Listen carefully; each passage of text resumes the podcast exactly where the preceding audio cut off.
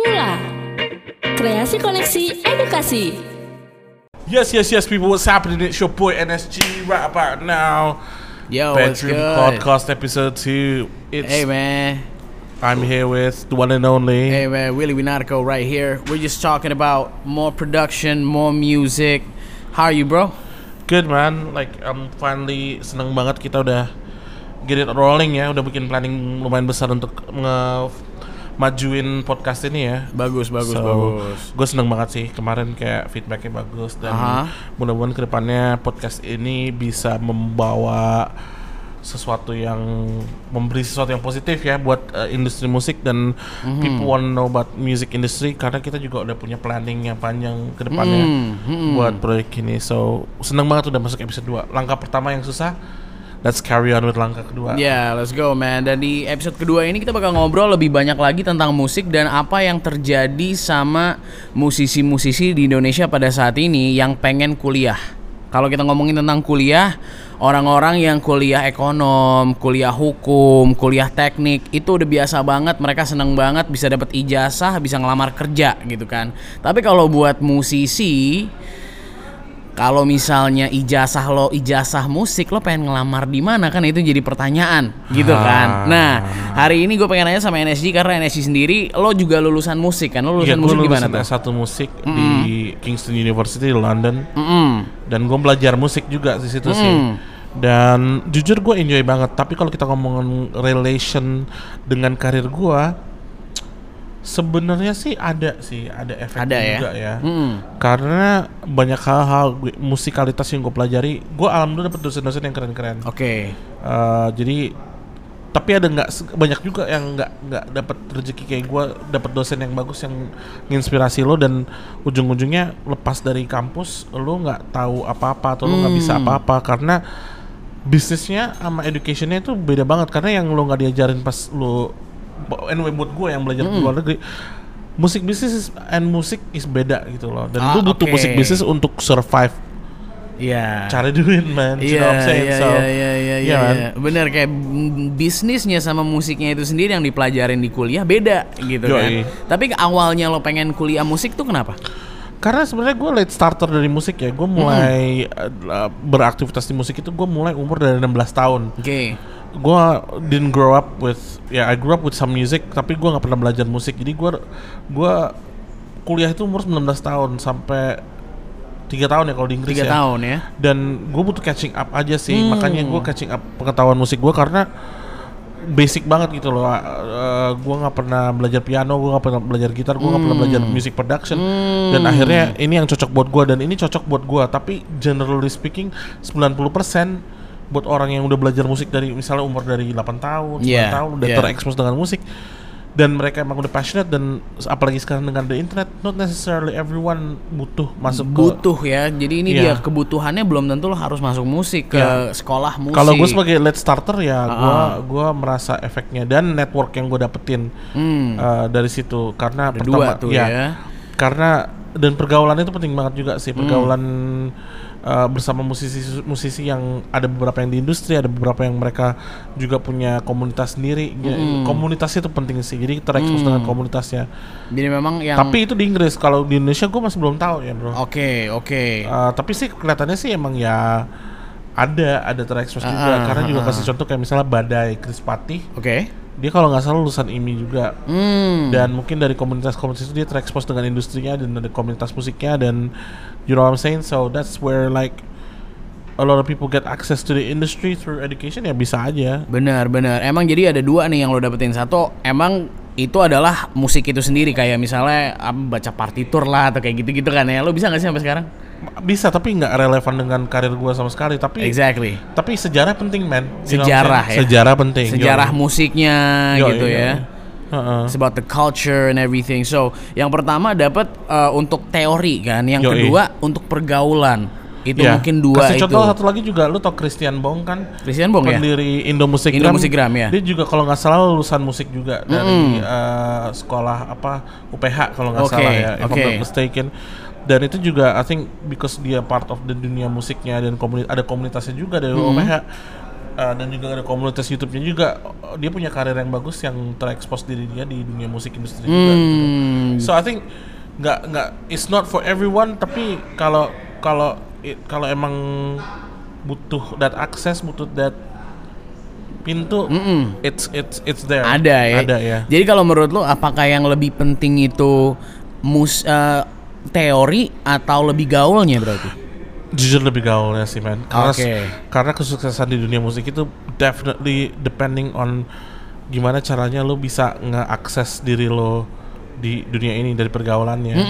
Maksudnya juga kadang-kadang lo juga misalnya lo nggak terlalu gaul tapi lo punya temen yang bisa lo jadiin manajer yang bisa represent lo atau lo part of komunitas yang yang gimana. Jadi emang harus pinter-pinteran aja gimana caranya lo nge represent diri lo dan lo bisa uh, ngejual diri lo That's dope, that's dope. Uh-huh. Kita eh, itu yang sering banget gue temuin kalau di radio ya, especially with Uh. artists like that. Karena kebanyakan artis-artis di di sini eh, manajernya ketemu di mana?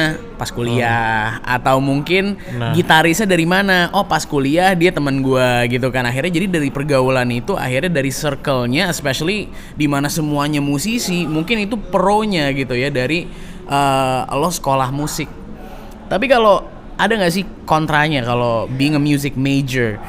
Menurut lo ada negatifnya juga nggak kayak ah ngapain sih kuliah di ada musik? ya mahal ya kuliah mahal Maksudnya sekarang juga lu bisa lu bisa belajar di mana-mana dengan dengan sosmed so- eh, sosmed dan plus kalau lu building brand lo sendiri dan lu juga bisa tahu cara nge-build brand dan lu bisa menggunakan internet Hah? lo nggak perlu sih man kecuali Oh. apal- apalagi building masa ya Ah, ah, ah. kebanyakan tadi pertanyaan lo gimana lagi tadi Jadi kontranya, jadi kayak apa? Ku, mungkin tadi kan mahal kan, Iya, jatuhnya mahal. kan. Terus apa lagi kalau menurut lo? ya kadang-kadang ya education is education ya maksudnya lu, lu S1 tujuannya lulus S1 itu tujuannya untuk jadi dosen Hmm, ah, ngarahin lo untuk to be more analytical thinking whilst Oke. music industry is more monetarily thinking, Lebih lebih thinking. teknis gitu ya, jatuhnya. Kalau ya. misalnya more academic thinking ya, Mm-mm. ya lu lu lu bakalan analytical terus. Hmm. And the fact is, ya lu kalau misalnya di dunia akademis itu kan lu terlindung dengan aturan dan Ya. ekosistemnya akademis Yeah, yang bisa yeah. terlindung banget. Whilst Yeah. commercial world is like dog eat dog, you know, so it's gimana caranya lu bisa jualan. Ter- tergantung ya. Gak ada no rules, bro. Yeah, that's true. It's a karena jungle right bisnis- here. karena business is flexible, you know. Ya, You can benar. negotiate, you can Uh-huh. ngarahin, lu juga ada in- um, acara indie, cara whatever, you know, whilst kalau lo under uh, uh, kuliahan, lo terlindung dengan aturan kampus lo. Heeh. Jadi memang eh, kalau kita tadi udah ngomongin tentang kuliah musik ada pro ada kontranya. Kalau kalau kita ngelihat tahun 2019 nih, kalau ada anak kucuk-kucuk datang ke lo baru lulus SMA, eh gue mau jadi kayak lo jadi produser, gue pengen sekolah musik di IMI gitu. Apakah lo menganjurkan atau enggak? Enggak sih, karena mendingan ke sekolah gua aja.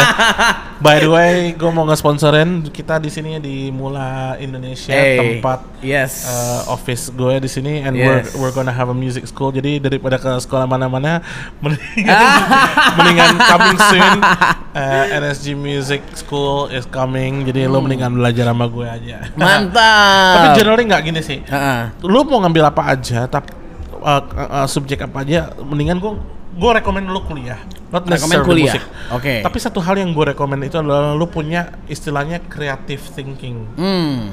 Artinya lo bisa ngaj whatever course lo ambil mau politik apa, lo bisa menjadi individual yang bisa mikir sendiri dan tahu caranya belajar sendiri, Benar. mengolah informasi yang udah ada di luar. Benar. Karena informasi, maksudnya dulu gue 2004 gue kuliah YouTube dan apa belum ada. Sekarang Yeah. lo mau belajar apa aja tentang music production semua ada.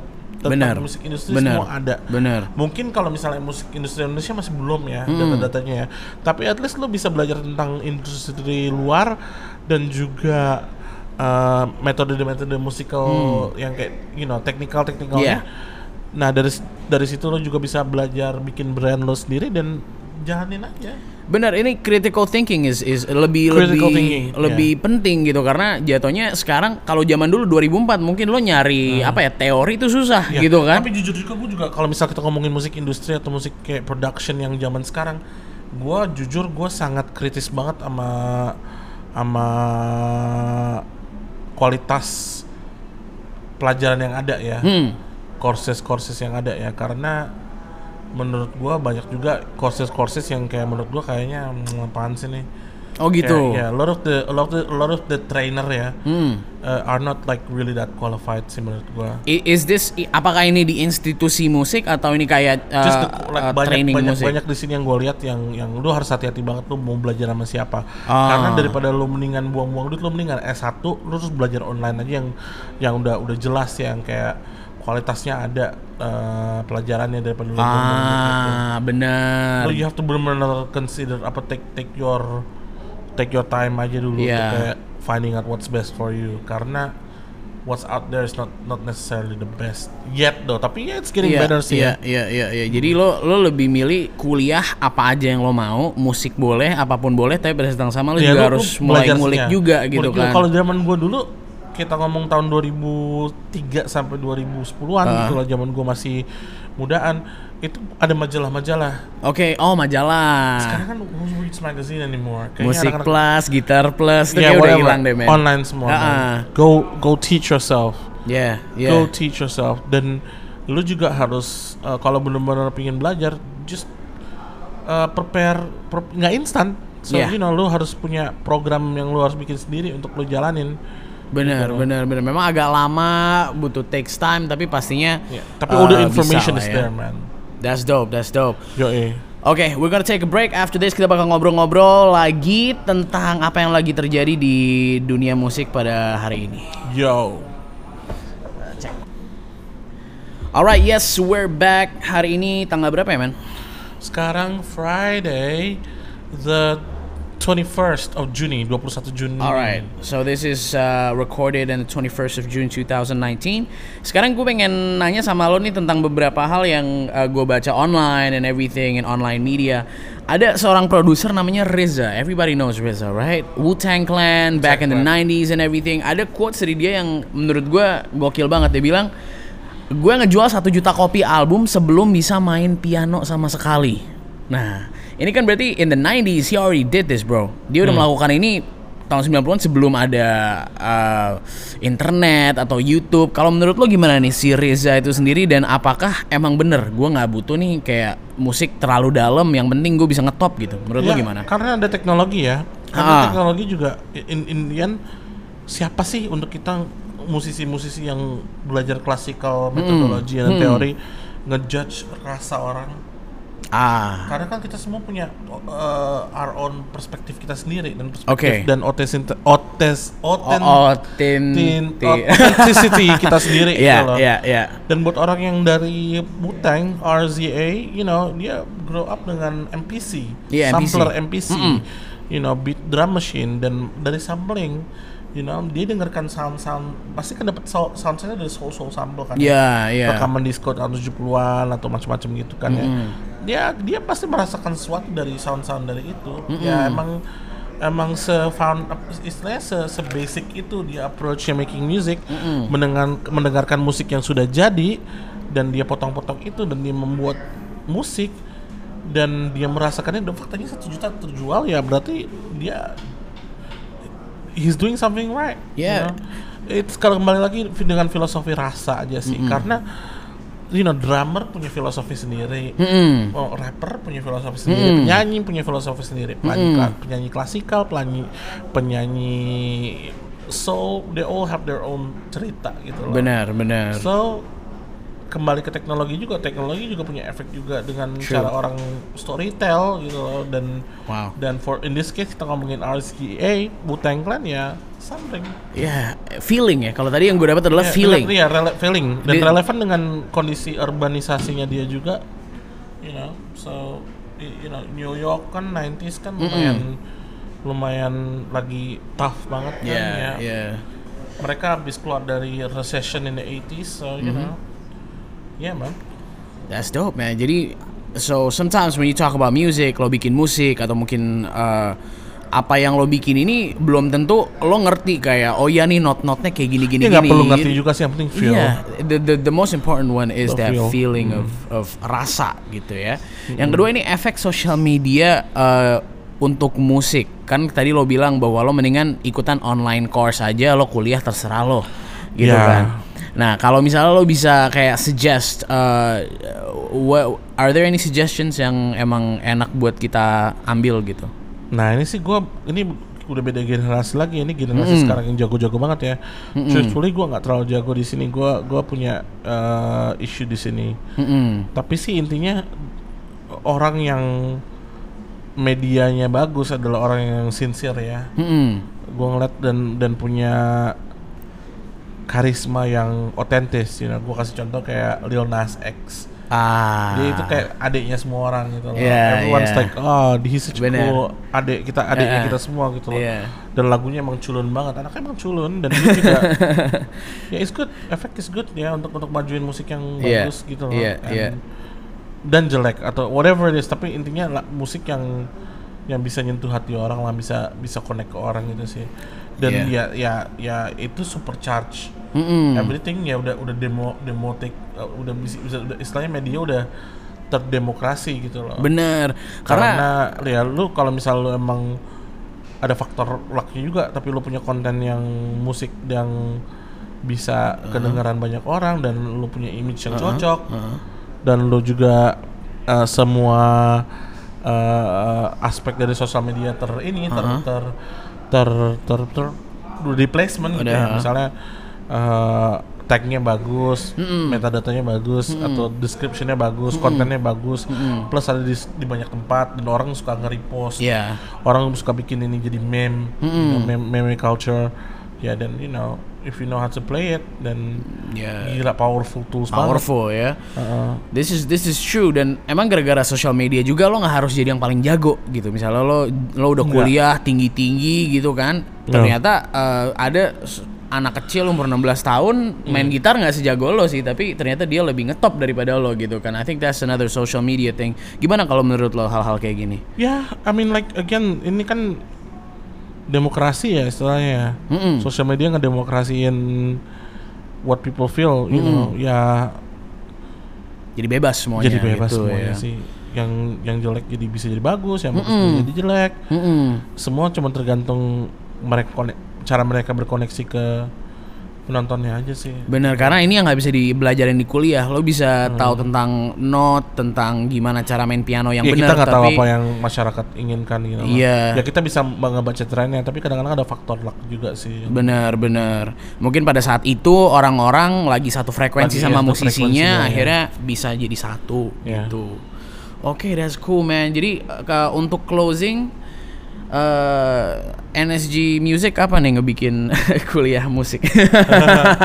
ya insya Allah, insya Allah bulan depan kita mau make a music production course hmm, uh, untuk untuk beginners saja dulu. untuk sih. beginners ya. So um, we'll see how it goes. Uh, dan juga gue mau planning bikin konten-konten di YouTube for like you know uh, additional music kayak belajar tentang music, production juga. begitu so, ya.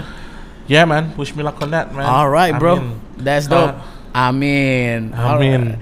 Yo, Bedroom Producer Podcast episode 2. Two. Apakah musisi harus kuliah musik? Ternyata enggak juga ya. Nggak juga man, nggak juga man. Uh, anyway, uh, let's pay the bills, bro. Um, uh, yeah, this uh, episode two today is sponsored by Mula Indonesia. Mantap. Nah, apakah ap- what- what is Mula Indonesia? Uh-huh. Mula by Galeri Indonesia uh, adalah uh, Ini is, di is, is a, is a Uh-huh. co-working space. Mhm. Uh, not any kind of co-working space, but it's a it's a creative hub ya. Mhm. Yang at the moment ada lokasinya di uh, Cilandak Town Square. But like it's got a meeting room juga Mhm, mhm. dan juga ada jalur distribusi melalui Galeria Jakarta untuk Yes. memasarkan hasil karyamu, contohnya karya kita di Bedroom Producer Podcast. So if you want to know more, you can go to their website mulaindonesia.com and check out their website and check out all the courses juga yang mereka ada di situ. Mhm. Karena they're dope man, they're helping us out with with, with this and shout out to everyone in Mula ya. Alright man, Mula up yourself. Indonesia. Thank you so much and thank you for listening. Big up. Peace. Okay. Kreasi koneksi edukasi.